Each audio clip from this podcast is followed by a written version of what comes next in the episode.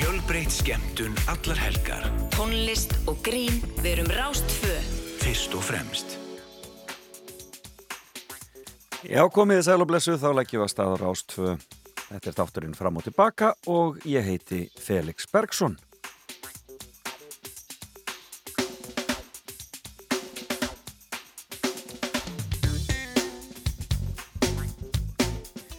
Já, það er komin 3. júni og e, sjómanadagurinn er á morgun og víða er nú bara allir helginni fagnað svona einhvers konar hátíð hafsins eða sjóarins íkáti eða hvað þetta heitir allt saman.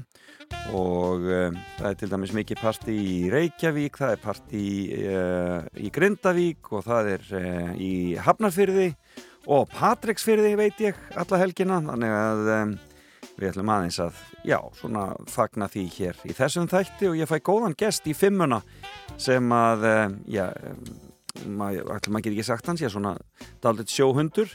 Hann heitir Jón Fríman Eiríksson og er e, stýrimaður og skipstjóri hjá Brimi og e, hann er komin hinga til mín í efstaleitið og við ætlum að fara í fimmuna hans hér og eftir. Hann ætlar að segja mér að fimm skipum eða bátum sem hafa haft mikil áhrif á lífans.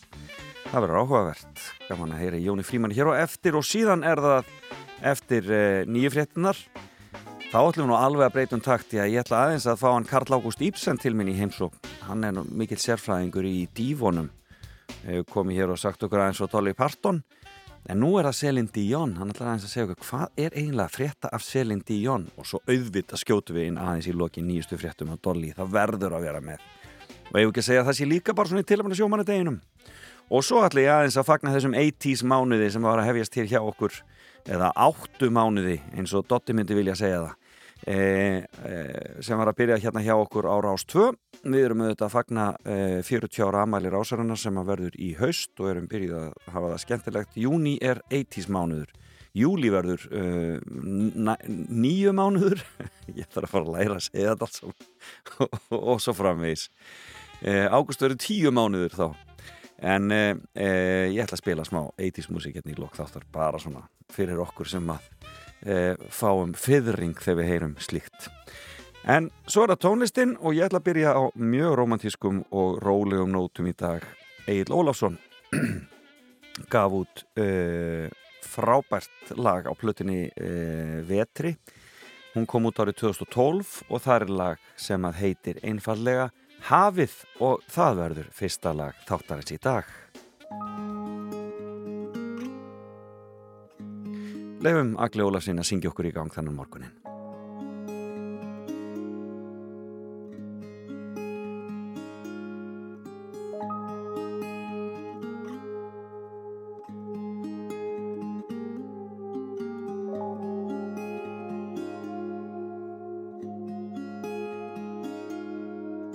Hafið sem lokkar, hafið sem gleipir Hafið sem ólgar, hafið sem hleypir, frekleg í brýrnar, frussar og sleikir.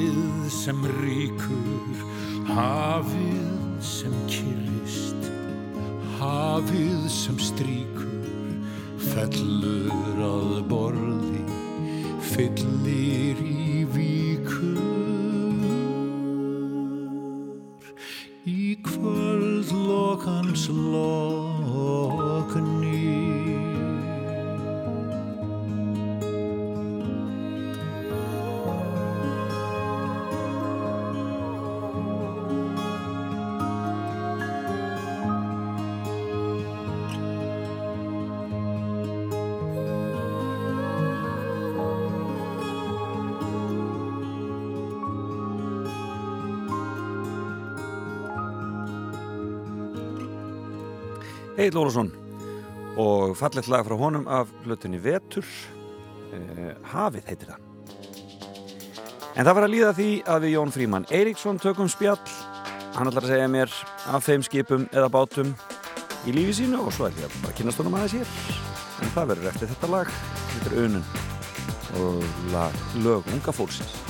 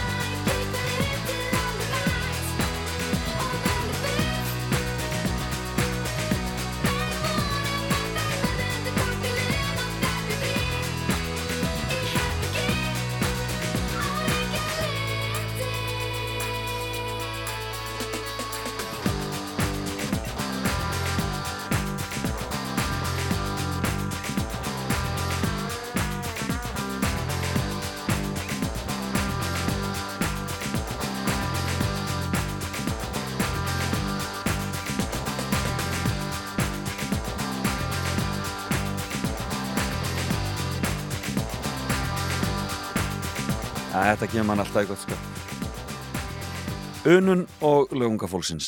Þannig hljómaði það. En við erum komið góða gest hér í efstaleitið eh, Jón Fríman Eiríksson stýrimaður og já, skipstjóri. Já, velkomin þakka þér fyrir. og já, gleðilega hátíð segi ég líka. Þetta er, þetta er stór helgi hjá sjómönnum er það ekki alltaf? Jú, það er það sko. Sjómannadagshelgi Svona, líka bara gaman að, eins og borgin er fann að taka mikið þátt í þessu. Já, akkurat. Hérna, eins og er gerir mörgum bæjarfélögum, eins og, ef við tölum saman fyrir utan að Grindavík hætti bara bæjarháttíðin hafðum og, Já, akkurat, og sama Patrísfyrði já, eiginlega. og hérna, En hvað fyrir austan? Eru, eru, eru jú, það er, hérna, Ég- Ánor fyrir það nýr Já, akkurat. Neskustad, þeir eru alveg svakalega stóri þarna í ég sko, já.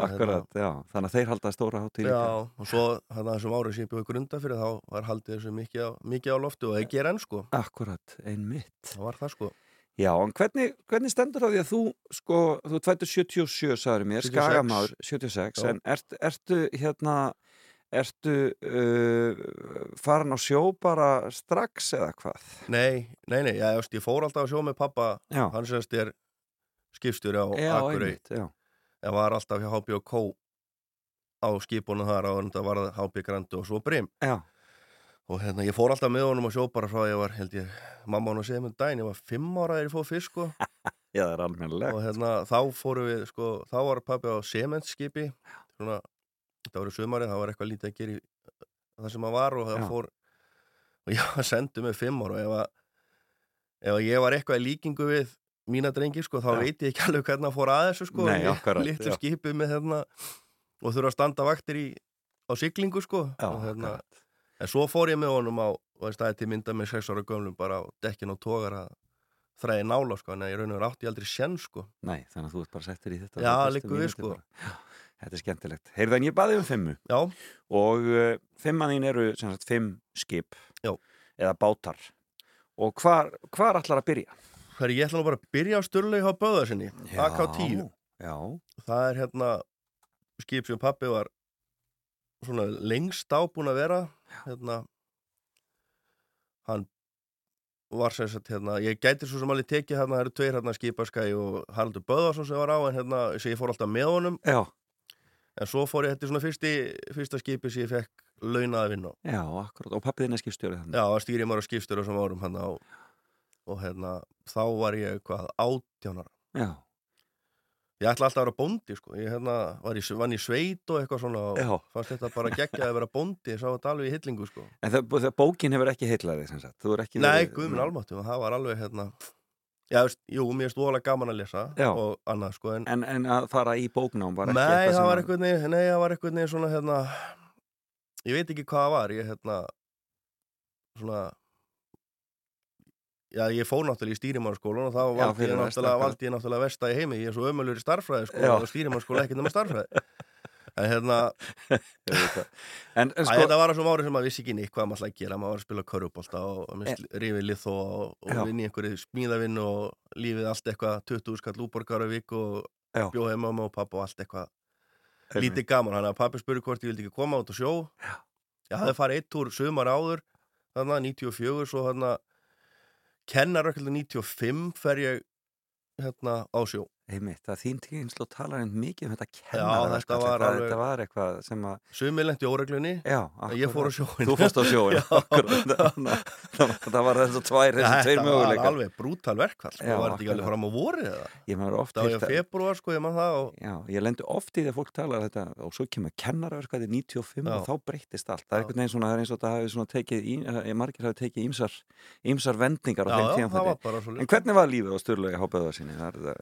er var svo er, vola fínt sko. Ég er náttúrulega ógeðslega sjóugur og bara er ný hættur að vera sjóugur það er bara svoleiðis. og hérna, Hvernig hefur komist í gegnum það í gegnum Bara- tíðan? Er það bara sjó ekki pillur eða? neini, bara æla í sólarhing og Já, þú bara lætur þið hafa það. Þú Já. tekur ekki pillurnar, sem sagt. Nei, nei, ég hérna einhvern veginn bara, það er virka ekki, ég bara, Nei, ég skil, ég skil. Virka bara best að æla. Þú ert bara með svona rosalega góðan, er það ekki heila tingut? Já, það er samspilið á milli innræðir og heila, þannig að það þessi verði, verði ekki sjóikir, það er eitthvað að vafa samt á þetta milli, sko. það er bara þannig. En hérna, þetta var vola, þetta var svona, hérna, þetta var allt sér, hérna, þetta er 95-6 og þessi ég byrjaði hérna og, og þá er, þú veist, ekkert sjónvarp um bor ekki þessi gerðunöttur og við hafa tekið upp bara fyrir okkur og, og bara enn tíu sími og hérna, og svo var reykt allstaðar Já, og hérna, þetta voru bara svona jakslar sko, mikil, það voru alveg þekkti fyrir svona nýlegaðni fengi alveg sko svona að finna fyrir því sko á skip, Já, þú veist, þú varst bara mættur og þurftir að standa hennar plikt og ekki var skárra að vera með sko pappa sem þarna upp í brú, stýrim ára skipstjóri sko og hérna maður alltaf eftir, ég var hérna einhver tíman hérna var ég það var lítið um að vera og eitthvað svona og hérna og ég var alveg, þetta var svona fyrsta svona ég var alveg að drepa sko. Já, og vaktformaðurinn sagði bara, viltu ekki bara fara og leggjast inn og veist, reyna að ná þér og eitthvað? Og ég fór inn og lá hann á bekknum og passaði til að pappi komið morgum Já. hann horfði bara á mig og fekk sér að borða og svo bara fór hann upp og vatnvormar kom niður og sagði ég ætla aldrei að gera þetta sagði hann. Já. Ég sagði ha, ég er enn ekki að fara að fá þess að skammir aftur hann. Já, pappið er held sér yfir formannin þannig að hérna, þetta var svona sem svo hérna Þannig að þú veist að sem sagt, já já og sem betur fer veist, það, þetta er í svona sjó ekki er eiginlega bara veist, maður verður að Vinna sér bara í gegnum það þá, eða Liggu hvað? við sko, drekka og borða sama hvað það er sko, en þetta Já. og svo voru þessi gauðra sko, þeir voru ekkert að hlífa manni, maður lá bara inn í stakkakemslu og það var eitt sem ég veit, hann, fór bara alltaf inn að reykja vindla sko í, í þú veist, ef það var svona pása eitthvað, bara svo ég myndi, hérna, Finna enn meira já, fyrir já, já, Og hvað erstu lengi hérna á, Herðu, ég var hérna til 97, Já, hvernig, hvernig skip var þetta? Er þetta, er tóari, og Já. enn, í gangi? nei, hann, hann var sagt þegar hérna, Brím kaupir Akurey og Viði og tekur þessi nýju skipin þá Já. selja þær hann í brotaðjátt sko. Þetta var sérst tóari sem var smíðað fyrir grundturinga og HB og K kaupir hann 1986 pappi fyrir á hann held í 92 Já.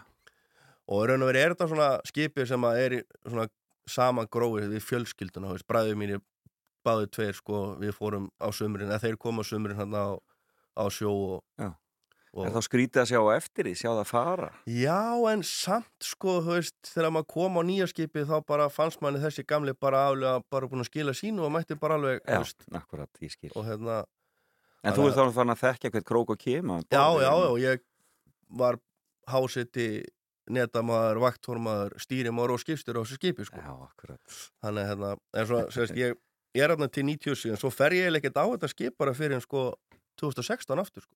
En samt er þetta svona, ég meina, við vöknum við morgunin og þá eru bara fréttir að skipið hafi tekið niðri við, við hérna, í Skarsvíkin á Snæfisnesi, þegar Ok. pappi er skipstjóri um borð og, og hérna, þá sérst voru í vari og það bara var farið og nálagt þannig nóttina og Já. tóku niðri. Já. Og ég, pappi sagði mig þegar hann vaknaði, og veist, þegar hann vaknaði við þetta, hljóp upp, kveikt á köstunum, þá bara sá hann bara bergið. Já. Og hérna, maður alltaf eftir þessu sko, þú veist, það var aldrei gert neitt storm og rúlus heima, en við vissum náttúrulega bara skipið hafi, þú veist, hann hafði að bakka út og svo fylgdi varskipið honum hérna, Já, fyrst vorum til Ólasíkur, það var eitthvað sem kafaði undir skipið og sagði að verið lóastór dælt undir skipinu og þeir bara, ok, ætla að fara út að sjó aftur. Og varskipið fylgdi þeim og svo byrjaði aðeins svona eitthvað að reyfa skipið og með, þetta er eins og pappi að lýsa þessu og þá byrjaði að leka. Já, þetta, já.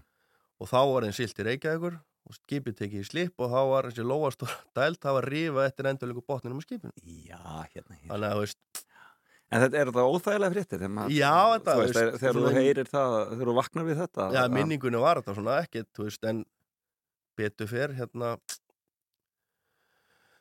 var engin æsingur í neinum og skipið var á floti og engin slasaðist og ekki neitt, sko, þannig að þetta svona, þetta hefði alveg geta að fara ítla, sko, maður, sem betur verið hugsa maður ekkert um það, sko, það var ekki drækt hvað hefði geta gert, sem betur verið bara að tala um að það væri allir í lægi, sko. Já, akkurat En þetta er náttúrulega gríðalega breyting vorum maður aðeins að ræða hérna áðan áður en þú komst inn það er náttúrulega gríðalega breytingar þessum öryggismálum og, á alveg hellingu, sko. og hérna, sko, ég er náttúrulega bara mann, maður mann bara, ég er á þeirri kynslu að maður mann eftir hrikalegum sjóskoðum Já, já.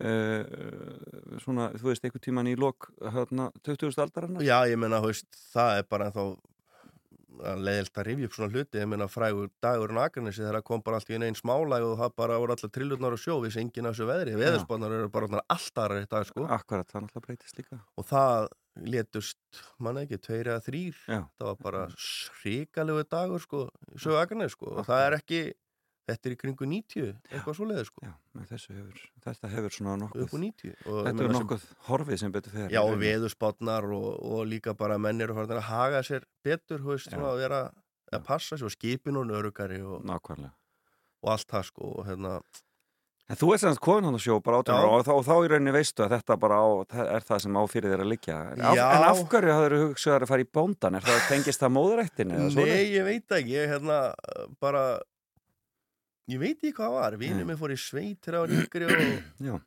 kom svona rosalega stæltur og fítn og sveitin eftir vinnuna og eitthvað og ég bara einhver væ, væskili, eða kægill, eins og já. skamenni segja bara, já, gæti ekki haldið að heibaka og svona dótir í sko og mér fannst þetta að vera svona eitthvað manndómsvingsla að prófa þetta og komst í sveit í dölunum. Og var tvö sumu þar og eitt í borgarfyrinum og en svo sá ég það bara að því að þú ætlar að vera bóndi þá ert að náður einhverja bóndakoni það er engin heilbita maður sem getur fara að kaupa sér bú sko, þannig að hérna. Þú ert að eignast konu og bæ Já, og allt, allan pakkan sko. bara. Já, já, það er að Heyrðu, hérna, En hvað, hvað er næsta skip í sögunni hjá þér? herðu, það var hérna Rán HF Já, ég setti hana inn bara svona hérna, það er í hafnafyrinu með já. Út af stálskipum, já. ég var stutt þar. En hérna, Hvernig skip var það? Hvað það var hún- tóri líka ég er bara vel að vera á tóri sko. Ok. það var frist tóri og hérna og þetta svona, já þetta hefur alveg hérna, Er það þá langar, lengri ferðir? já, þetta voru tóraferðir? 40 dag túrar sko og en að þarna er ekki ennþá komið þetta er 2004 sko þá er ekki ennþá komið sko almennilegt internet eða neitt út á Nei. sjó sko Nei, og hérna og þar kynntist ég bara veist, þetta, voru svona, þetta, var, þetta, var, þetta var eitt erfiðasta pláss ég verið í svona vinnulega séð veist, og launin voru ekki há ég skil, við erum ennþá að tala um að vinni sko, ég eignast góða vinni þarna fyrir lífstíðum borð sko. hérna, og hérna eitt er skipstjóri hjá Brím í dag og við tölum saman ævar vinnu minn á hérna, Örferis og við tölum saman líka við bara hverjum deg erum saman á sjó og Já. líka í landi sko. hérna, við vorum saman hérna og, og hérna og þetta voru svona karakterar um borð og þetta, veist, það voru þetta var þessum áru erfitt að manna skipi og veist, kom, ég man alltaf eftir að koma einn úr borma sem að við vorum bara ennþá að vinna í bryggju sko og á hátegismáttur og hann næst í druknaði súpunni sko því að hann var bara á einhverjum á einhverju niðurtúr sko svo Já, var þetta hörku náungi þegar þetta var ennþá, veist, ég upplýði þetta sko hérna. Einmitt, að menn voru að koma í mjög mismunandi ástandi. Já, og hérna þannig að þetta var svona veist, já, þetta skip hefur svona, veit ekki, þetta, ég var nú bara rétt hann ykkur átta mánuð, sko, en Já, þetta einmitt. samt svona hafði svona ótrúlega mikil áhrif á, sko Er þetta smugutímin? Nei, hvað? ég Þetta- hérna þetta er var aldrei svo komið? frægur smöðuna, smöða Nei. var hérna 95, 6 Já, og það eitthvað svona, að já, ég var aldrei svo frægur, sko, að fara í smöguna Í, hérna frægu smug. Nei, og hérna en talandi um hérna öryggismáli, sko, ég hérna við, við rífið hann oft upp félagarnir hérna þegar þá lendu við sérst í því að hérna á, á tóra er, eru hlerar og troll. Hlerarnir eru svona játstykki, jáklumpar, nýðþungi sem að glenna í sundu trolli til þess að trolli geti veitt fisk. Einmitt. og hérna stundu gerist að þeir fara svona saman veist, flækjast og þá er bara mikið brass, mikið vesinn og við lendum í því og ævarvinum þetta er allt í allt saman, snaröllust viður og hérna Eitthvað stór út á ballar. já, já, og hérna eru konum þess að hlera inn á dekk, þetta eru svona 8-9 tonn saman sko og við þurfum að, að þess að græja og gera og við stöndum vona á þessu hlerapari þarna eins og hálfvitar ég myndi ekki byrja nokkurn einasta mannu sem að væri að vinna á mér um að gera þetta í dag sko. Og þeir svona liftast upp og skella dekkinu út af veðrinu sko. Tonnin öll. já, og við erum svona að berjast í þessu og svo heyrum einhver öskur og hérna, það er verið að að segja okkur hvað að gera og endar að við heyrum og hann og brú takið okkur þessa helviti sjálma því hei, þið heyrið ekki orða það sem er að segja við ykkur Sem betur fyrir eru komið kalltæki í dag sem eru bara beint í hjálmana og okkur fannst þetta. Við tókum, við tókum ekki á okkur hjálmana. Nei, og hérna við náðum að græja þetta og allt það sko en hérna við tölum reglu um þegar við stóðum að núna hlérunum, ég var einhleipur en hann átti sko konu og börn heim og annað sko, veist. Og hérna, þetta er, já, þetta, þetta, er, að- þetta er aðrir, já, það er aðrir tímar Þetta menn myndi ekki, 2004, sko. já, menn myndi ekki gera þetta. að ég myndi ekki byggja nokkurn mannum mitt í dag sko að Nei. gera þetta sko ég hérna, myndi reyna að finna ykkur aðra leið Já, akkurat til þess að vinna út. En, en uh, hvernig gerist svona? Er þetta bara... Já, það er hver- bara að trollið festist í botni og þá, þá hérna, getur þetta farið svona saman, Já, saman. Akkurat. Þetta er svona, hver dagur ekki, þú veist, þetta er aldrei neitt einstatna. Sko, Nei, svo, það getur svo margt mismunandi. Já, og svo næstur lendir í þessu, þá bara gerist ekki neitt og þetta er svona eitt af þessum, oftast er snaröldu stöðu þegar þetta gerir, sko. Já, nákvæmlega. Það er þannig, sko. Það er alltaf þannig. Heyrðu, þriðjaskip. Herru, það er ringur S.A. Ringur SH. Já, það hérna fór hann árið 2006. Já. Nei, býtu fyrirgjöðu, ég ætla að það var á listanum, það var heiðrún S.A. fyrirgjöðu. Það er heiðrún fyrst, Já. já, ok. Að, það, þá leiðum við okkur að grundafyrinu. Já, Hérna, það var skip sem að var keift ykkur undanferðar og ég fekk pláss á Valdamóti 99-2000 já, já, ok. og þar fæ ég svona fyrstu hérna brúarvinnuna mín Já, þar hérna fyrir að vinna á fyrirtæki sem heitir Guðmund Runálsson HF og hérna þeir gefa mér svona sjensin að fara í, í brúa hennu sko. En ertu þá búin að fara í stýrimannskólan á þessum Já, tíma? Sko? Ég fór sko 97 og 90, til 99 stýrimannskólan. Hvernig var, sá- hvernig var sá tími? Það var mjög gaman. Já. Það var ennþá bara heimaðust. Já, hér í Reykjavík. Já, bara í hérna að hátegnu sko. Akkurat. Bara uppi á efstu hæðinni. Já, já, já. Þannig að maður bara var á vistinni og borgaði 5 skall á mánu í leigu og hérna, Og gríðalegt fjör. há, já, þetta var hérna, þetta var stundum hómikið fjör sko. Já, En starfræðin, hvernig gekk Já, hún gekk illa sko. Já, En hérna, ég átti góðan vinn hérna í bekknu sem að hjálpaði mér alveg gríðarlega í gegnum það sko. já, gott. gott. Og þar á ég ennþá alveg fullt af vinnum sko, sem að eru bara ennþá vi- starfandi og sjó og eru í brú og tölum saman mjög oft sko. Finnst þér, muna, eins og þetta, starfræði, þetta er, er stýrimannskólin, Já. er verið að leggja ofmikla áherslu á svona hluti Nei, þetta er bara siglingafræðin já, auðvitað, og, og, og stöðuleikin og allt þetta sko, Einmitt, þetta er bara nöðsynlegt sko, Einmitt, til þess að fá bara svona einhverju grunnþekkingu á hvað er verið að pæla í sambandi stöðuleika og siglingafræði sko. Auðvitað, já, ég skil. Nei, eini blessa, ég starfræði maður, það er bara allir holdt og gott að læra það maður, ég, hérna, þó að ég hef ekki, þú veist, ég barðist í gegn og Einmitt, en það hafði það, já, Þetta hafðist af, sko. Einmitt, Þetta var rosalega gaman, þetta var mikið fjör og mikið stuð þarna þessi tvö ár. frábært. En Mm. þú ert þá komin sem sagt núna þarna á Já, og komin hérna- sagt í svona, Þar hérna, þar er mitt sko, fæ ég sjansinn í brú og, og fyrstu nóttina gekk ekki betur en það, ég mér bara trollið og skilið eftir í botninum og og Óli Fjallar heitinn skipstjóri, hann dó nú fyrir aldur fram og við læriði nú óhugnulega mikið að heimanni sko, Já. talandi um æsingin hérna hinum með sko, þá var þessi, hann æsti sér aldrei sko og kendi manni bara sko. Og hérna, ég hugsa oft til hans mjög hlýlega að því að hérna, hann var bara mjög góðu maður sem Já. að fór bara allt og snemma.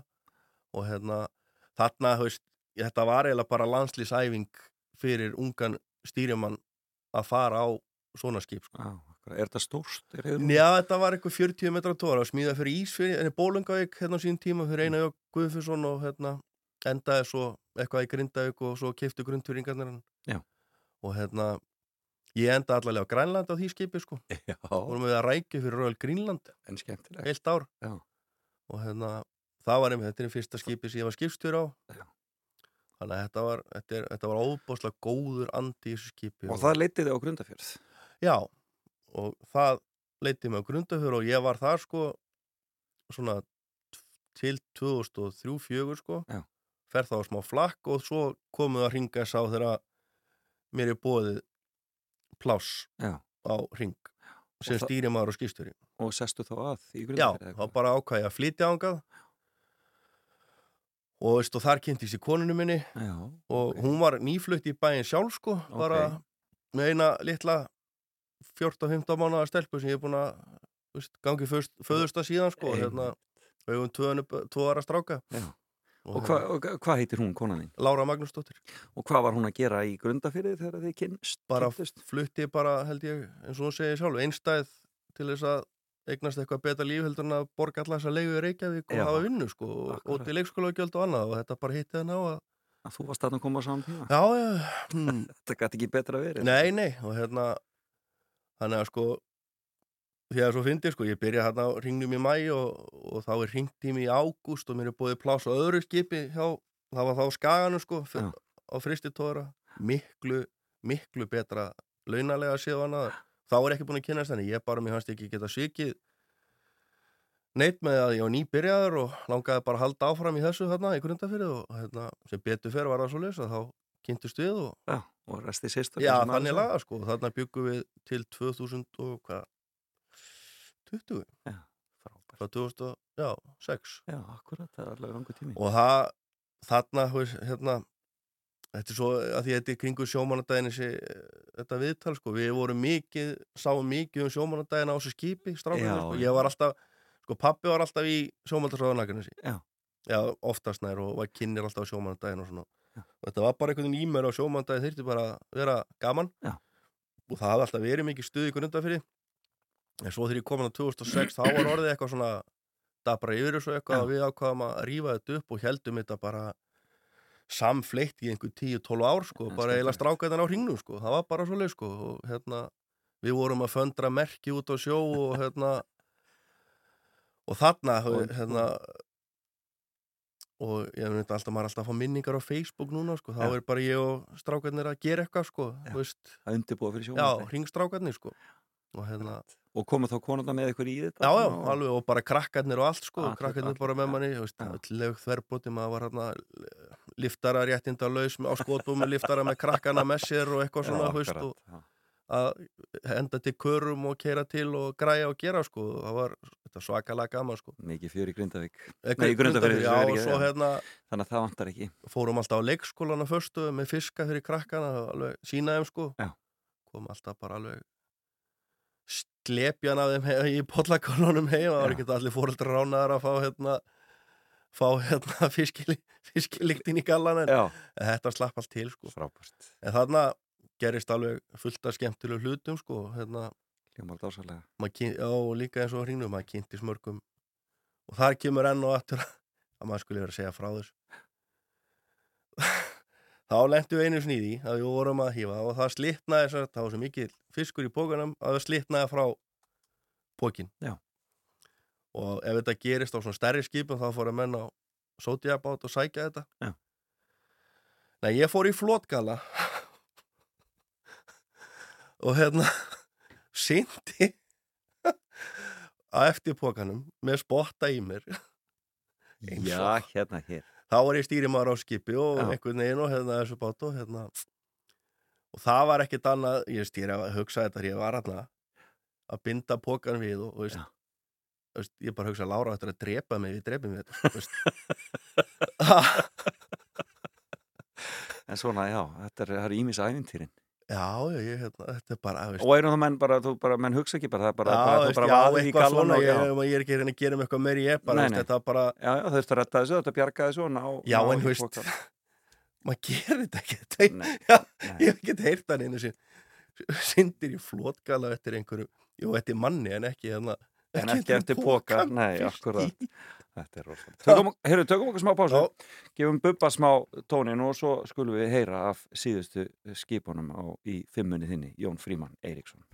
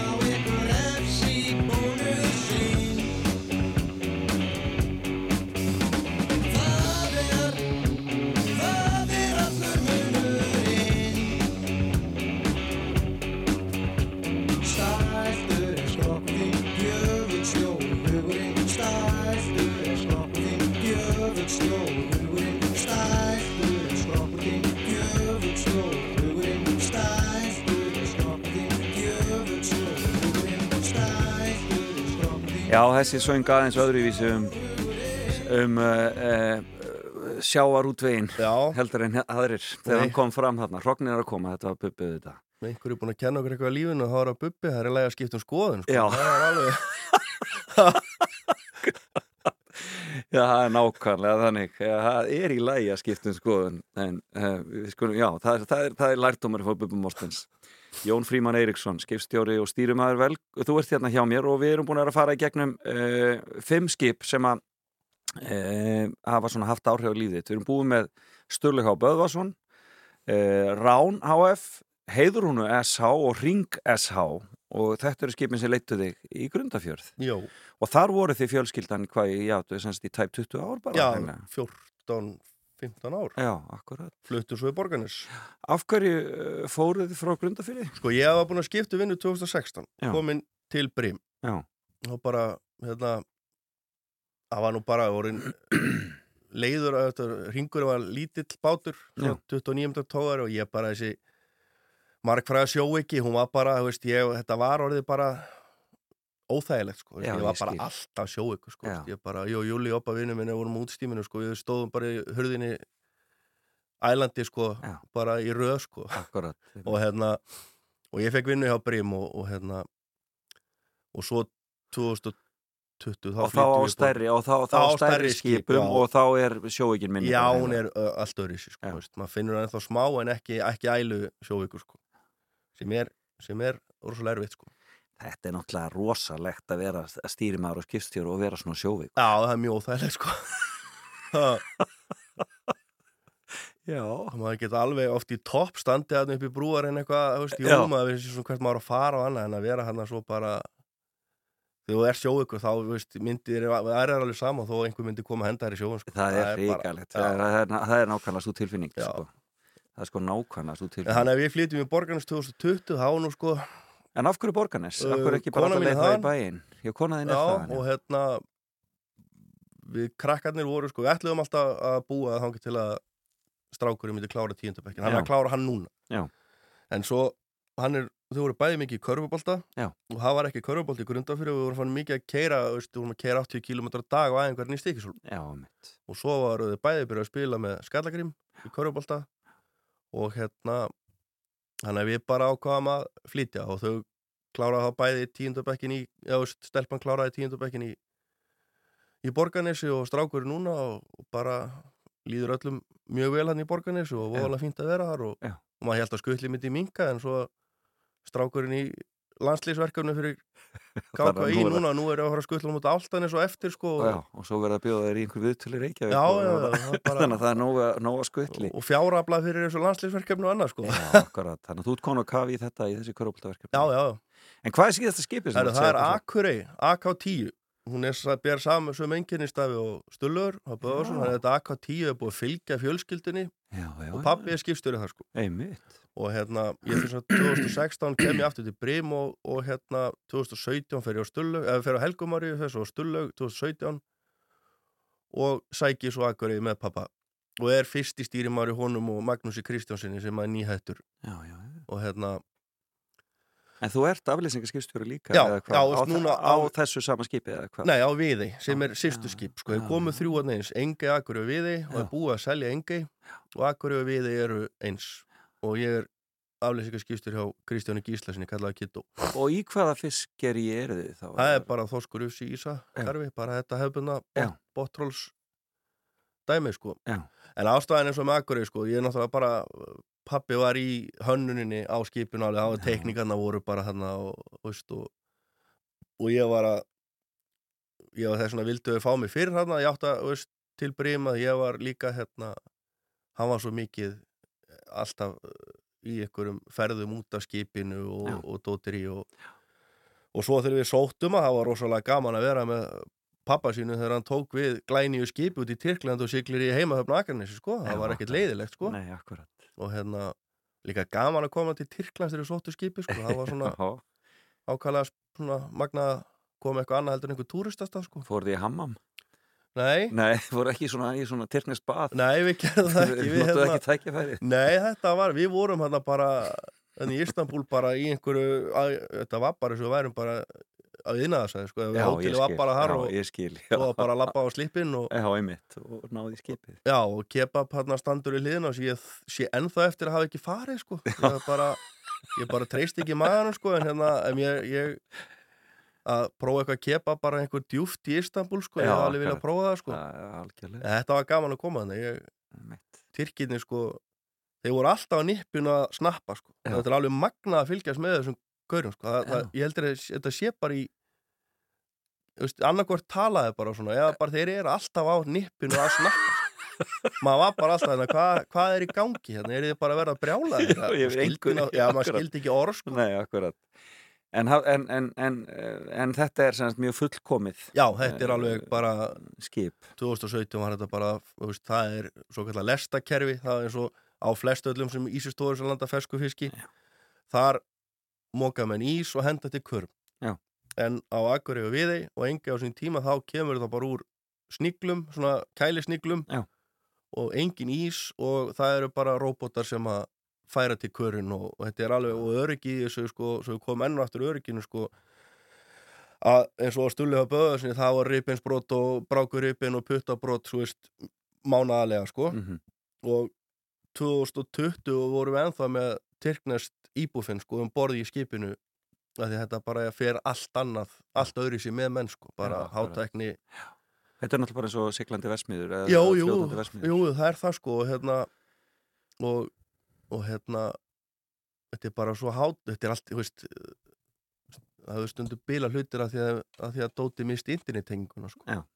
Það er það slæmt sko, veist, þetta, þetta er það há- hátæknilegt sko. Þetta snýst sem betur fyrir er þetta breytast þetta er, þú veist, Já, Jónar ræði líka áðan sko þessi eh, ótrúlega nýting á öllu hráöfnum já, hún er Það er það náttúrulega sko. alveg magnað að sjá hvernig þetta er að breytast allt og þorskurinn sko, hann bara, það er allt tekið á hann sko, Já. og, og raun og veru væri við til að koma með þú veist allt eins og innýflin og allt saman sko, því Já. að það fer ennþá í sjóum fyrir út af lifrina Já. en hérna það er bara tímaspöksmál hvernig bara hver einasti sporður sem kemur úr borðið í þessi skip sko er nýttur sko. Já, akkurat. það er nefnilega málið sko Það er svo leiðis. Sérðu fyrir þér að þú verðir í þessu uh, til æguloka? Þetta er bara lífstarfið. Já, svona eins og staðan er núna, já, Já. myndi ég halda það sko, svona meðan einhverjir hafa mig í vinnu Já, það, akkurat. það er svolítið, Því líður vel. já, Sérðu fyrir þér að fjölskyldan fari? Að munu Nei, ég held að þau, fylgja í, sko, í feti í fótsporin? hafa ekki mikið áhuga á þessu sko sem Nei. að en það ræðu hann oft hérna vinnið ég myndi ekki óska neinum í þetta stundum sko þú veist, Nei. maður missir af öllu já, þannig laga já, já, já. og hérna þetta er svona þetta er ekkert alltaf auðvelt sko. Ég menna maður ringir heim kannski og það er, þú veist, ætlar eitthvað að spjalla en það er bara, þú veist, það bara er það er bara hei, lífið í gangi heima sko, Já. við erum bara venduð vinnustaf sko, Já, veist, það er bara eldónu okkur, við erum vaktir og, og hérna, ég skilur alveg já, það er þessi þrifið af ykkur líka. Já, liggu við, sko, veist, og ég meina maður skilur alveg að menn, þú veist, mönnu líki þetta, það er bara sumir bara bara þóli ekki áreiti heim, þú veist, í landi, ekkert heima, bara í landi og þetta Akkurat. óslega venda, þú veist hérna, En eru fleiri konur að koma inn á þessa vinnustæði? Er það eitthvað að breytast? Eða er Nei, þetta þetta mjög er- kallagt? já, það sækja lítið um, sko, líka Já, og annað, og ég veit ekki, þetta er ekkert að fara í stýrimannin? jú, það, en það er virðast bara að fara á varskipin eða ferjurnar, sko, Já, vera, ekki, sko ekki, ekki á Nei, ég veit ekki hvað þetta er, þú veist Einmitt. og hérna, ég veit að er nú kokkur og helgumar ég og hvern maður, ég, hérna og ég, ég eins og ég segi, ég, hérna bara tvísvara, þrísvara verið, sko, hérna með hvern maður sjó og ég mun skamma sín fyrir að segja maður skipti þá hérna vant á okkur mann og hérna Já. á reynu skipi var á og ég var að fara út á sjó um kvöldið og var með skipið. Ringir einn, svo eftir að búin að retta manni. Já. svo ég bara áflótt síðan og mæta þarna og eitthvað og svo ringir hann aftur hérna bara réttur í brotur, ég glemt að segja að þetta er stelpa. Ég bara, ég var svo reyður Já. ég veit ekki að hverju, ég lamdi í mæla bara bílnum og var brjálaða maður. Svo var þetta bara alveg hörku hörku, þú veist Starfsmaður já, já, hún bara já. gaf engum eftir hann og þennan túr sem hún kom sko, ég, ég aðstæðan að segja, þetta er svo mörg á síðan og ég bara, þetta var þryggjata túr eða eitthvað og ég man ekki hvað hún heitir þessu konu ef hún hlusta sko, þá bara þá má vita að hún stóð sér alveg rosalega vel og mun betur heldur um margi sko, ég veit ekki hvað þetta er, menn freista til að taka kannski frekar ykkur strák í staði fyrir stelpu sem gæti staðið sér betur sko, þú veist. Nákvæmlega. Nákvæmlega. Svona er þetta. já, En það, er, það mun breytast öruglega á einhverjum tíum úti, já, já, lítur að gera það eins og allt annað. já, já, Jón Fríman, það var frábært að fá þig, gaman að kynast þér og takk fyrir að Alveg. koma í, í, í fimmuna hjá mér. Þarna, tíminn er algjörlega flóin frá okkur, Já. klukkutíminn fór eins og ekkert já, já. En þarna, ég segi bara til hamingju aftur með daginn og hamingju með helgina. Takk hjá Hvað ætli þið fjölskyldan að gera á er bara Bjartmar í Lingbrekku í borganísi kvöld eins Já. og í sjónum og ég get Já, verið og hérna svo er það bara matur um og pappa á morgun og svona öll fjölskyldan að hittast og, og það verður bara eitthvað stuð já, og, Mm. og það á Akranesi þá. Já, í raun og verið æði ég sko fyrir einhverjum árum hefði ég verið svo skilþunnur hérna Felix að hérna þessu betur fyrir það aðeins breyt sko. þetta var bara þryggjata bendir hérna árum áður Já, sko. akkurat. En, en, en ekki, ekki lengur, sem betur fyrr. Já, fyrir maður kæra þakki fyrir Takk komuna. kærlega fyrir mig Einn ég stend nú stýrið og vaki Stjörnum bjartur nú himinn er. Allt er hljótt og minn hugur hann sífælt fer. Heim til hennar sem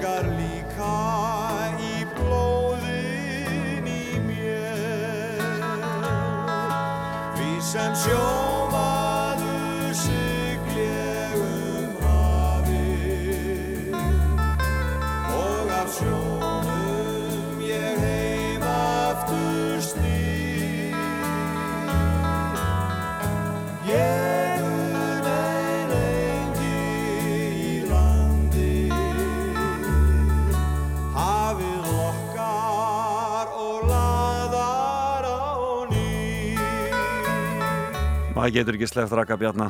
Hafið lokkar og laðar og þetta var svona útgöngustefið hjá Jóni Frímanni Eiríksinni sem var hér gestur minn. Rástvö. Fyrst og fremst um helgar.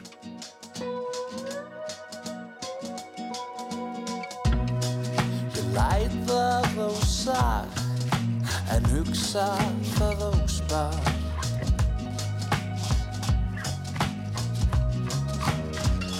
Það er ekkert persónulegt Og alls ekki illa meint.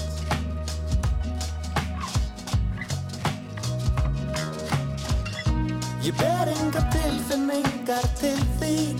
Í eina áttina eða aðra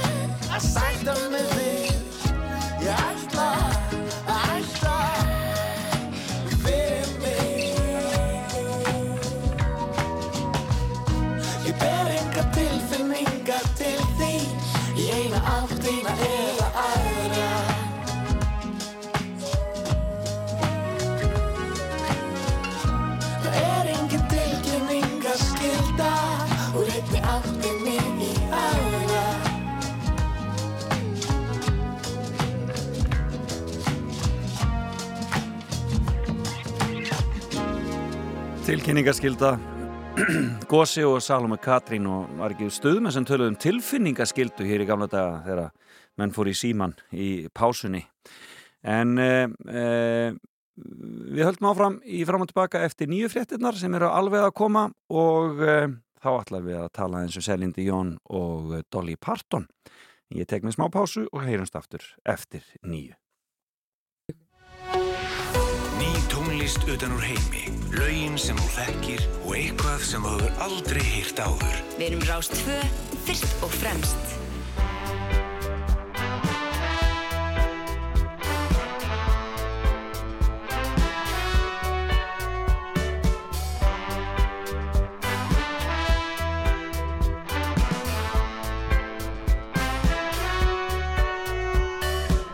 Að stifla sig út smellir bindin af hálsinum. Hundrað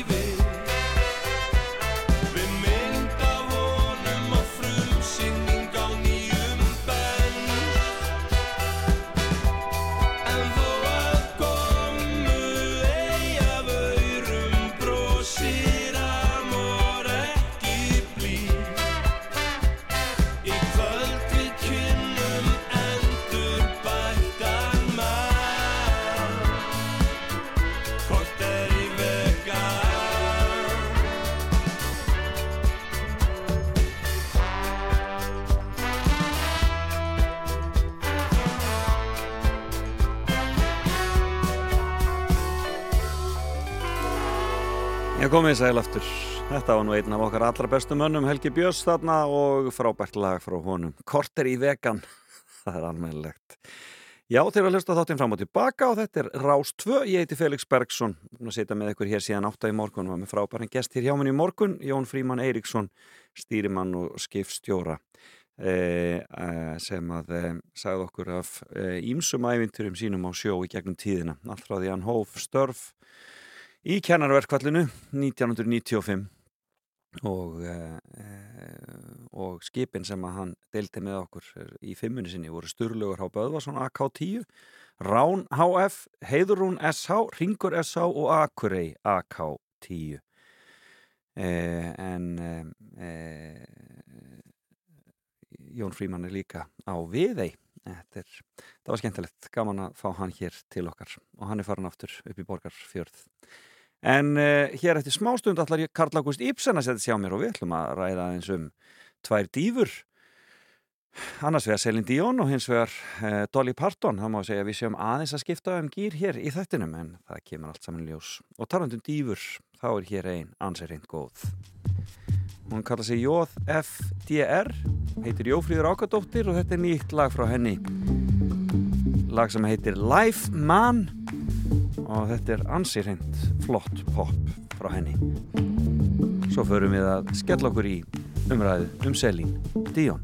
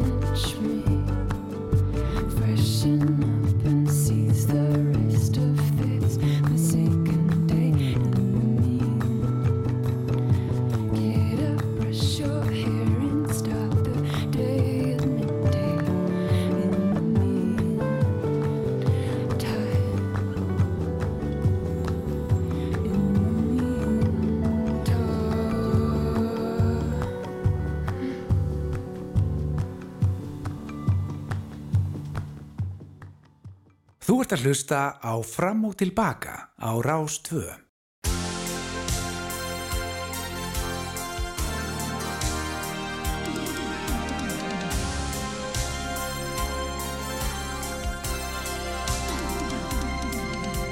Vous qui cherchez l'étoile, vous qui vivez un rêve,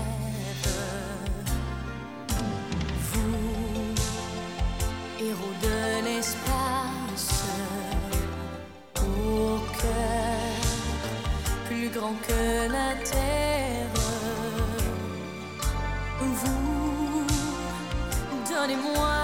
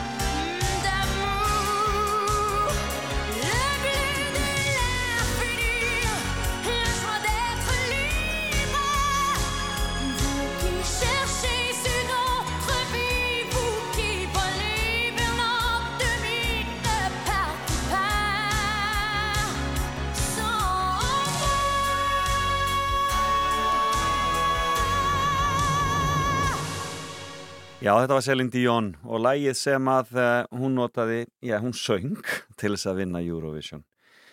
Hvað árið 1900... Uh, 88 88 var Góðan og margblessaðan daginn fyrir Karl Ágúst Ífsen, velkomin, gaman að sjá þig. Takk fyrir Já, það er gott að vera með svona alfræði orðabók þegar maður þarf að fletta upp, en það var, já, það var 88 sem hún vann fyrir hönd Sviss og aldrei þangað komið bara. Aldrei áður. þangað komið og uh, annar lagahöfundana var tyrkneskur Þú veist, þetta, svona er Eurovision Já, þetta er- þetta er alþjóðlegt, Alþjóðlegt alþjóðlegt, já. uh, ákvað nú að að Þannig að byrja á enginn frá. Kýpur komið að Kýpur framlæginu undan fyrir ár, sko. Nei, nei, nei, nei og, og þangað til í ár hafði enginn nema svíið sami lag fyrir Azerbaijan Þannig að Þannig að kannski faraði bara aftur í það eftir Já, þetta að er aldrei að vita. Nei, en, þarna, já, en þetta var sérst 88 og, og í rauninni þarna uh, svona vekur hún fyrst heimsatikli Já, þarna verður hún fræg, ef svo má segja. Uh, uh, ég ákvað nú að, að byrja á Eurovision, við verðum að gera það. Ég, Já, ég, ég, ég, er þannig innréttaður. Og uh, svo náttúrulega er, er 80s mánuður hér á Rástvö og þetta er 80s lag. Nákvæmlega. Við verðum, við verðum að taka þetta. En þetta er skemmtilegt þetta Eurovision lag, eins og þú segir, það er ekki, ekki uh, annar lagahöfundur en eindasvisnuskur, en annars mjög fjölþjóðlegt. Og þetta lag uh, vinnur með einu stíi. Já.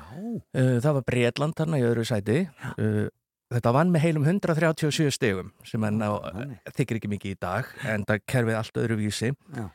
en uh, fyrir Breta kefti maður sem heitir Scott Fitzgerald og hann var skoti hann er síðasti skoti sem að uh, keppi fyrir Breta það var var engin skoti keft sí- síðan og, Já. og árangurinn eftir því Já, nokkvæmlega, þeir þurfa greinilega að fara að, að ná í skotan aftur sko. Já.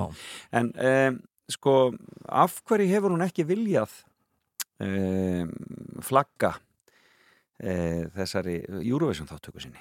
Já, sérstætt hvernig hún hefur látið. Hún hefur þó undanfærin ár aðeins farið að, að, viðurkenna hún Já. hafi keppt í þessari uh, góðu keppni. Já. Uh, ég mér minnir að fyrir tveimur eða þreimur árum þá hafi verið vídeoskilabóð frá henni í keppninni, ég man ekki betur. Já. Og uh, hún er, uh, já, það er sérstætt hvað hún uh, hefur ekki viljað uh, flagga þessu, en hún náttúrulega fór eftir keppnina í mjög mikið makeover. Uh, kannski vill hún bara ekki láta sjá sína hvernig hún var uh, á þessu ári á milli þess að hún kefti og, og þanga til hún kom fram aftur á, sem, og, flutti sitt svona se- sem segur dans að þá fór, skipti hún nef og skipti hún tennur og skipti hún Já, kinnbein hérna og. Já, já, já. Búin að gera þetta allt saman bara. gerði þetta allt saman bara á einu ári og, og kynntist manninu sinum René Angelil Já. já, kynntist, byrjaði með honum Eh, það er sagt að þau hafi byrjað saman þarna á, á hótelherbyrginu í, í var þetta ekki í Dublin Já. og eh, og hérna það var nú ákveðið skandalla því að hann hafi verið umbóðsmaðurinn hennar síðan hún var 12 ára en við förum ekki náður til það. Nei, nei, nei, við látum bara aðra um að nextast á því sko. Já. það er bara svoleiðis en, en um, og þarna tekur sérst ferillin í rauninni þarna tekur Stökkið ferillinn, mikla. mi- mikið kepp hún, hún segir að hún hafi verið samt uh, starfandi listamaður síðan 1973 hún er fætt uh, 68 uh, en uh, það er spurning hvort að maður kallar það endilega að vera starfandi listamaður hún, hún kemur þarna fyrst fram í uh, giftinga uh, hjá uh, brúkasveislu bróðusins Já. og eftir það var það ekki sn- tilbaka Aftur snú- snúið? Nei, hún uh, kefti eða kefti ekkert, heldur kom fram við hvert einasta tækifæri á, á lokalpöfnum og, og út um allt. Það er mjög skemmtileg mynd sem er komið núna sem er óopinber uh, æfisaga hennar, hún Ok. heitir Aline ekki Selín heldur Aline Já. Þar leikur uh, jafnaldra hennar uh, Selín og uh, það er skemmtilegt í þeirri mynd að, að hérna leikarinn leikur hann á öllum tímambilum frá því að hún er tíu ára ókei. og þangað til að hún er fullorinn kona og eina, ein, eina sem þeir gera til þess að láta hana líti út fyrir að vera þú veist, barn Já. er að minkana í í, hérna, í, í rammanum. Þannig að hún er bara fullorinn kona. Þetta Þetta hljómar, þetta hljómar ekki vel. Nei, nei og, og lítur ekki heldur vel Er eitthvað lag sem að tengist þessu sem við erum með hana? Nei, en ég ákvaða því að við erum nú sko, við erum að tala um þennan feril sem spannar marga, marga áratugi að uh, miða kannski við hérna kvikmyndatónlist Já, og þess vegna nefni nú þessa bíómynd Já. uh, eigum við ekki bara að byrja á þess að heyra lag, fyrsta lagi sem hún verður fræg fyrir í bandaríkanum Já. það er úr kvikmyndinni Beauty and the Beast og heitir Já. Tale as Old as Time Þetta er úr Beauty and the Beast Hlustum aðeins á það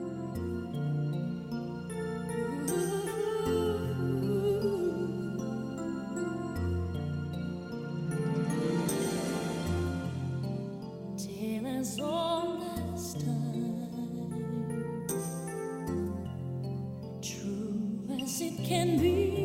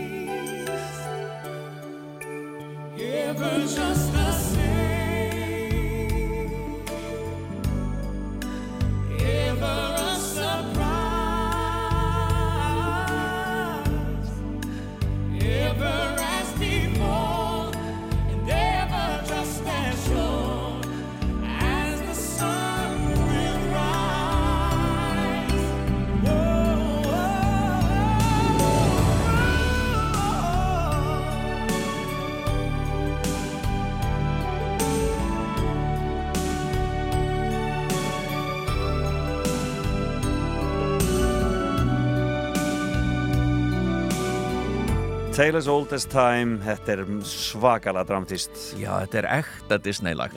Og uh, það má kenna Selín og, og, og makkernum hennar í þessu lagi, Pípu Bræson Já. um uh, þessi Disney-lög sem verða svo vinsæl. Því að Já. þetta lag er fyrsta lagið í meir en 30 ár sem verður vinsælt úr Disney-mynd og ekki nóg með það, þá var þetta náttúrulega tilnæmt til Óskarsvæluna og þrjú önnur lög úr myndinni þannig að það var þetta, þetta var svona nýtt og, og spennandi. En það var ekkit sjálfgefið að Selín myndi syngja þetta lag. Uh, í myndinni þá syngur Angela Lansbury lagið í Ó, já. óbóðslega fallegri útgáfu. Einmitt, já, akkurat. Og hérna Já, það er nú svona sem að já, mörgum finnst meira vænt um hana já, já og, og á YouTube má finna sagt, eh, útgáfu meira sem þar sem hún er að syngja bara rétt fyrir andlatið, kannski ári fyrir andlatið, hún Angela. Já.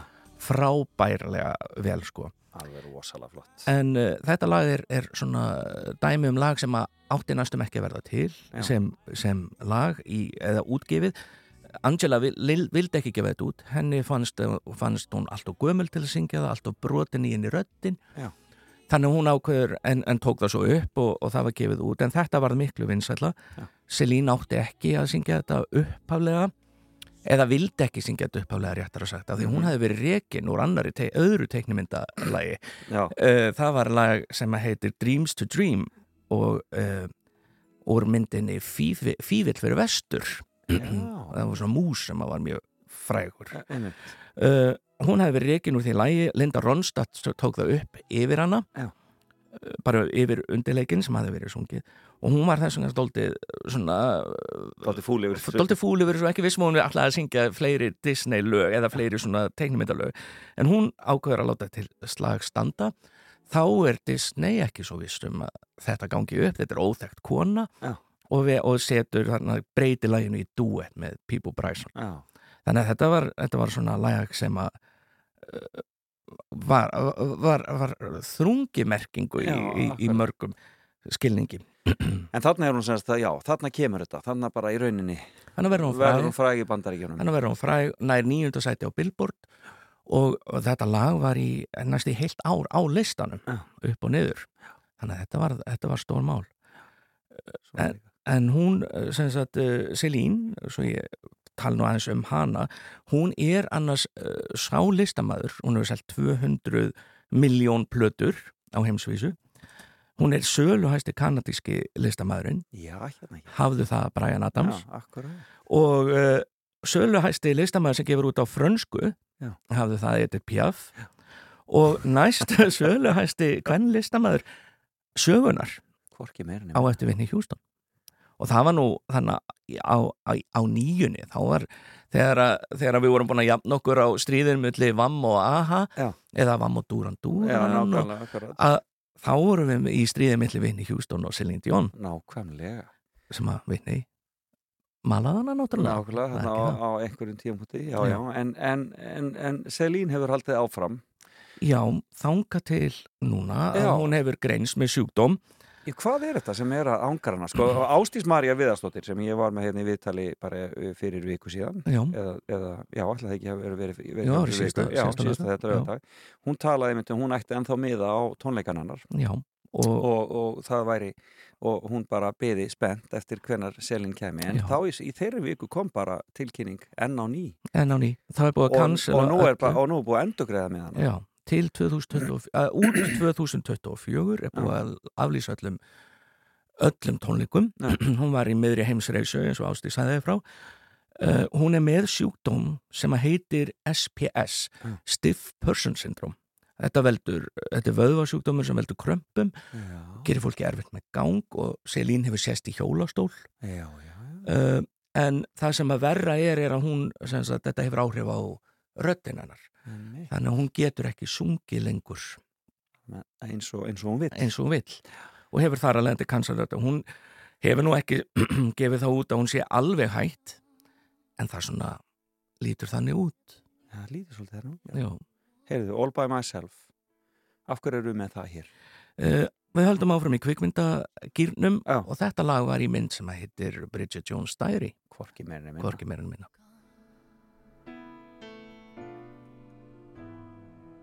living alone. I think of all the friends I've known. But when I dial the telephone, nobody's home.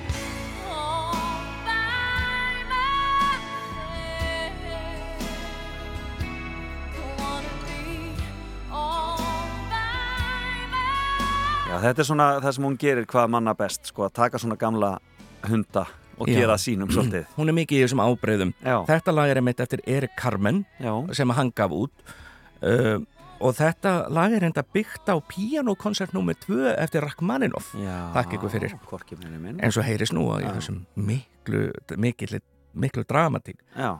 Uh, það lag er samin árið 1900 þetta lag 1973 og hérna sem er árið sem að Celine Dion kemur fyrst fram Já. en þetta er náttúrulega ákaflega dramatíst atriði Bridget Jones þar sem hún er gjörsamlega orðin örvingla hún, ætla, hún gengur aldrei út og heldur hún verði hittin af hundum já, akkurat, það var bara þannig. Það var bara það var þannig.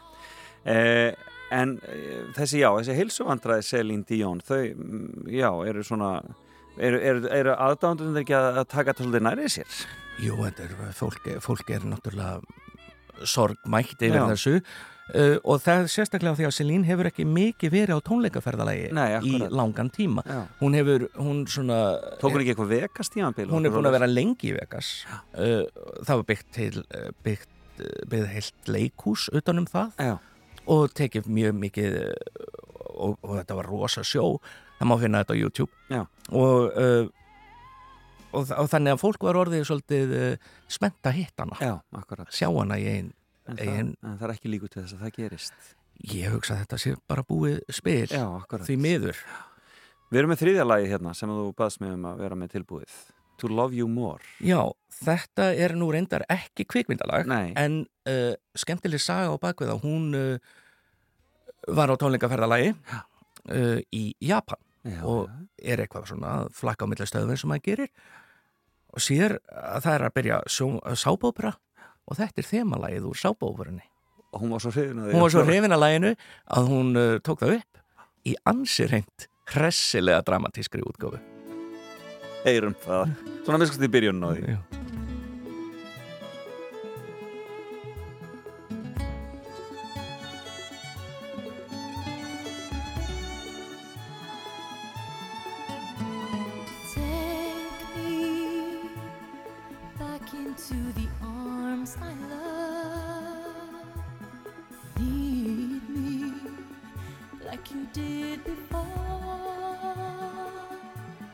Touch me once again and remember when there was no one that you wanted more.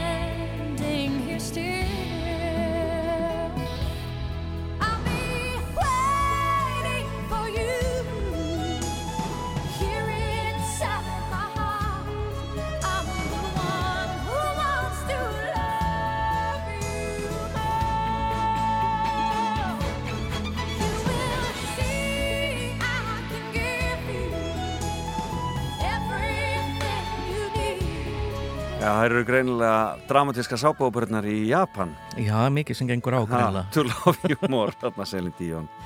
Já, en við skulum láta þessu lokið spjall okkar um hana e, um, þessa frábæru söngkonu frá, frá Kanada, Montreal sem að vonandi já, nær að varpa af sér heilsufarsvandræðum og komast aftur á svið en ég get ekki sleftir Karl Ágúst öðru sem að fá nýjustu fréttir á Dolly. Já, og það er nú aldrei fullt af frétta Er það ekki? Já, alltaf fullt af frétta Ég heyrðu, þegar sko, fjölskylda mín, uh, dóttir mín var í heimsókn Dollywood, Já. það var stu rosalega gaman. Já, og við annan mann þar, það fóru, fóru fyrir nokkru íslendingar sem var búið í bandarkjana. Heyrðu, það var skrúganga, heyrðu, byrtist ekki bara kettlingin? Hættu þessu Heyrðu, bara í einhverju höstvagni, skiluru, Já. dregin þar í gegn, skiluru, og veifaði, veifaði krátinu, alveg til í þetta, skiluru. Já, já, og hún kemur reglulega fram þannig eh, en aldrei tilkynnt Já. hún segir aldrei hún, Nei, nei, en, en, í en, þetta, en það, það, hún var Já. og það er bara, það er bara fólk fríkað algjörlega út náttúrulega sem með því. þér Ég meina ekki mæti mikki sjálfur í Disney alltaf einhver inn í búning Nei og meiri segja meiri segja er sko höfundarétturinn á Mikka Mús að renna út þannig að hann hætti sannlega bara að vera merki dól, Já, það- já, Disney bara eftir það. árið tvö held ég. Það er bara svoleiðis. Allt veistu, allt veistu. En hvað er að frétta Þetta er hræðilegu En- besservissir en sem hvað- en- hérna. en hvað er að frétta út á líksegri? Já, hún er nýkomin inn í hérna, fræðarhöll Rock og Rolls. Já, hvorki meira Hvorki meira nefn minna. Country söngkonan kná. Country söngkonan, hún reyndar, hún var tilnemd og þetta eru kostningar sem fara fram bæði á netinu og svo meðal einhver svona einhver svona, einhverja realitu Já Uh, hún reyndi að draga sig úr þessu uh, úr kjörunum, þess að ég er bara engin rockari. Maðurinn minn er rockari, hann veit að ég er ekki rockari. Og uh, en það, það var Það til þýddi ekki einskis neitt, nei. nei, nei, hún var kjörin þarna inn. Hún var dregin inn í rock'n'roll nöðu vilju. Og og í tilefna því þá var hún að gefa út rockplötu. Og, og það verður hvorki meira en minna en 30 lagaplata. Lagalistin er komin út og á þessari plötu þetta verður allt duettar eða, eða, eða sem sagt svona með fleirum. Á þessari plötu kemur meðal annars eh, Paul McCartney og Ringo Starr og þau flytja nýja útgöf af Let It Be. Frábært. Eh, Við fáum líka þarna eh, Steven Tyler, Stevie Nicks, Sting, Brenda Carlyle. Uh, Við fáum Emmylou Harris náttúrulega og, og Pat Benatar. Hvað, ég menna Hvað vill maður hafa þetta betra? Hvað vill maður hafa þetta er bara betra? rockarar 30 lög. Allir rockarar sem ennþá eru uppistandandi Felix er Kid Rock er þarna meira að segja Já, Kid Rock, já. Kid Rock. Pink Þetta er alvöru sko Já, og skemmtilegt. Guðdóttir er náttúrulega sjálf hún var í Cyrus, það má ekki gefa út plutan að taka hana með Nei, Guðdóttir og fyrsta lagið er komið út Já. og ég baði um að, um að finna það til hérna Já. djúft í yðrum kerfisins. Þetta heitir World on Fire og er eh, fyrsta lagið af þessari rockplötu. Heyrðu. frábært lag sem að minnir á nokkur önnur lög. Já. ef vel að hlusta Við skulum hlusta á það. Kæra þakki fyrir komuna, Karl Ágúst Íbsen og ég næði þér fljótt aftur í fleiri fréttir af Dolly. Þegar platan er komin og, er og búin að toppa alla vinsallista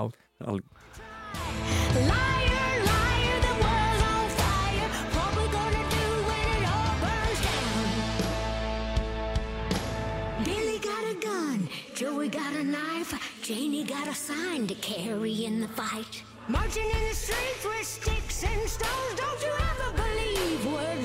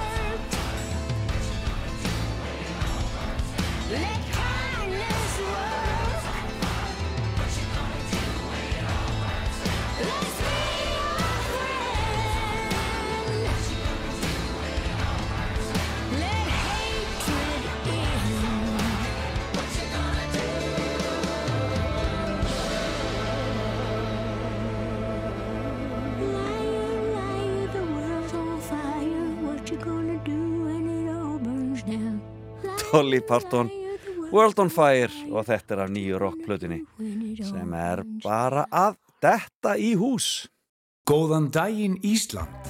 Fram og tilbaka á Rástvö.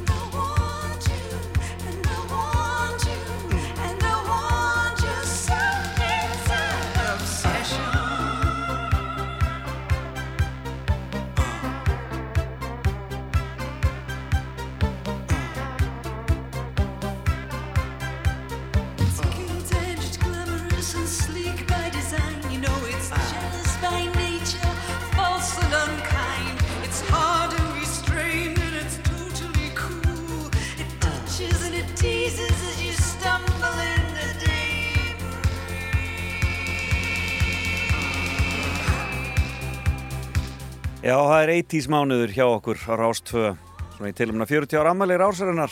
Júni er 80s mánuðurinn og það var ekki hægt að sleppa Eurythmics. Þessi vöktu nú mikla aðtegli þau eru komið fram og þóttu afskaplega já, e, já bara framústemnulega og mjög merkileg hljómsveit. Duettin Eurythmics. En svo var það þessi íslenska íslenska 80sið það er aðeins meira rock Þessar komuð að austan og bara reynlega rokkuð allt í gang unnum músitilunir og sungum Pamela í Dallas, hvað er meira 80s?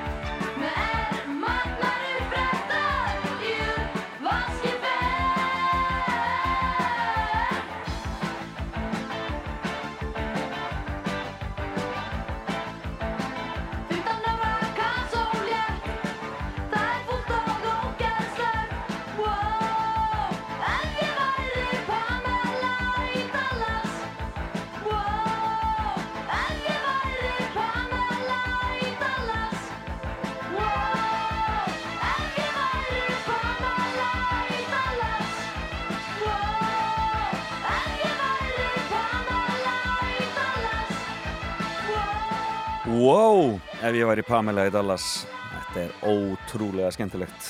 Þó ég segi sjálfur frá. E, Ég voru ekki að fá eina konu í viðbót frá þessum nýjunda áratug síðustu aldar? Jú, kílum á það.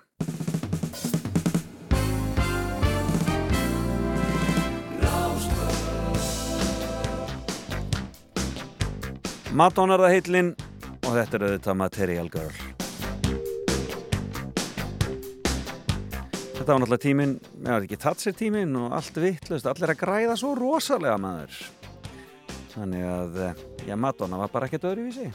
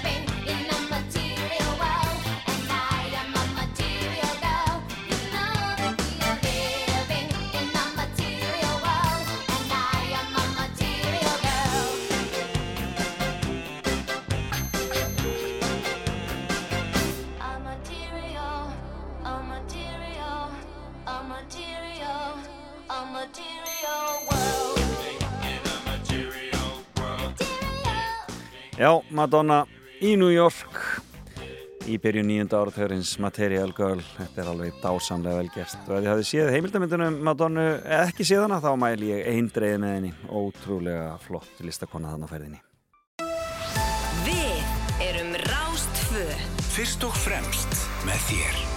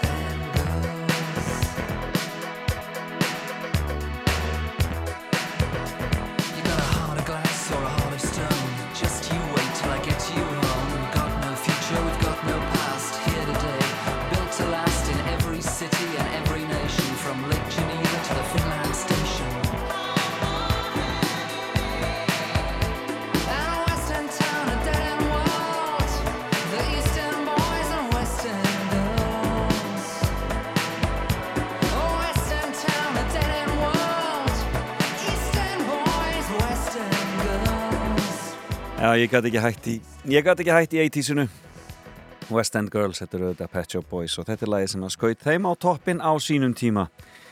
Og þeir voru í fréttum núna bara nýlega að tala um það að það væri gott að nota gerfigrein til þess að hjálpa sér til þess að eh, já, til þess að e, semja texta ef maður væri eitthvað að rugglast eitthvað staðar. E, það var alveg skemmtilegt skemmtileg pæling. En e, þetta er búið hjá mér í dag.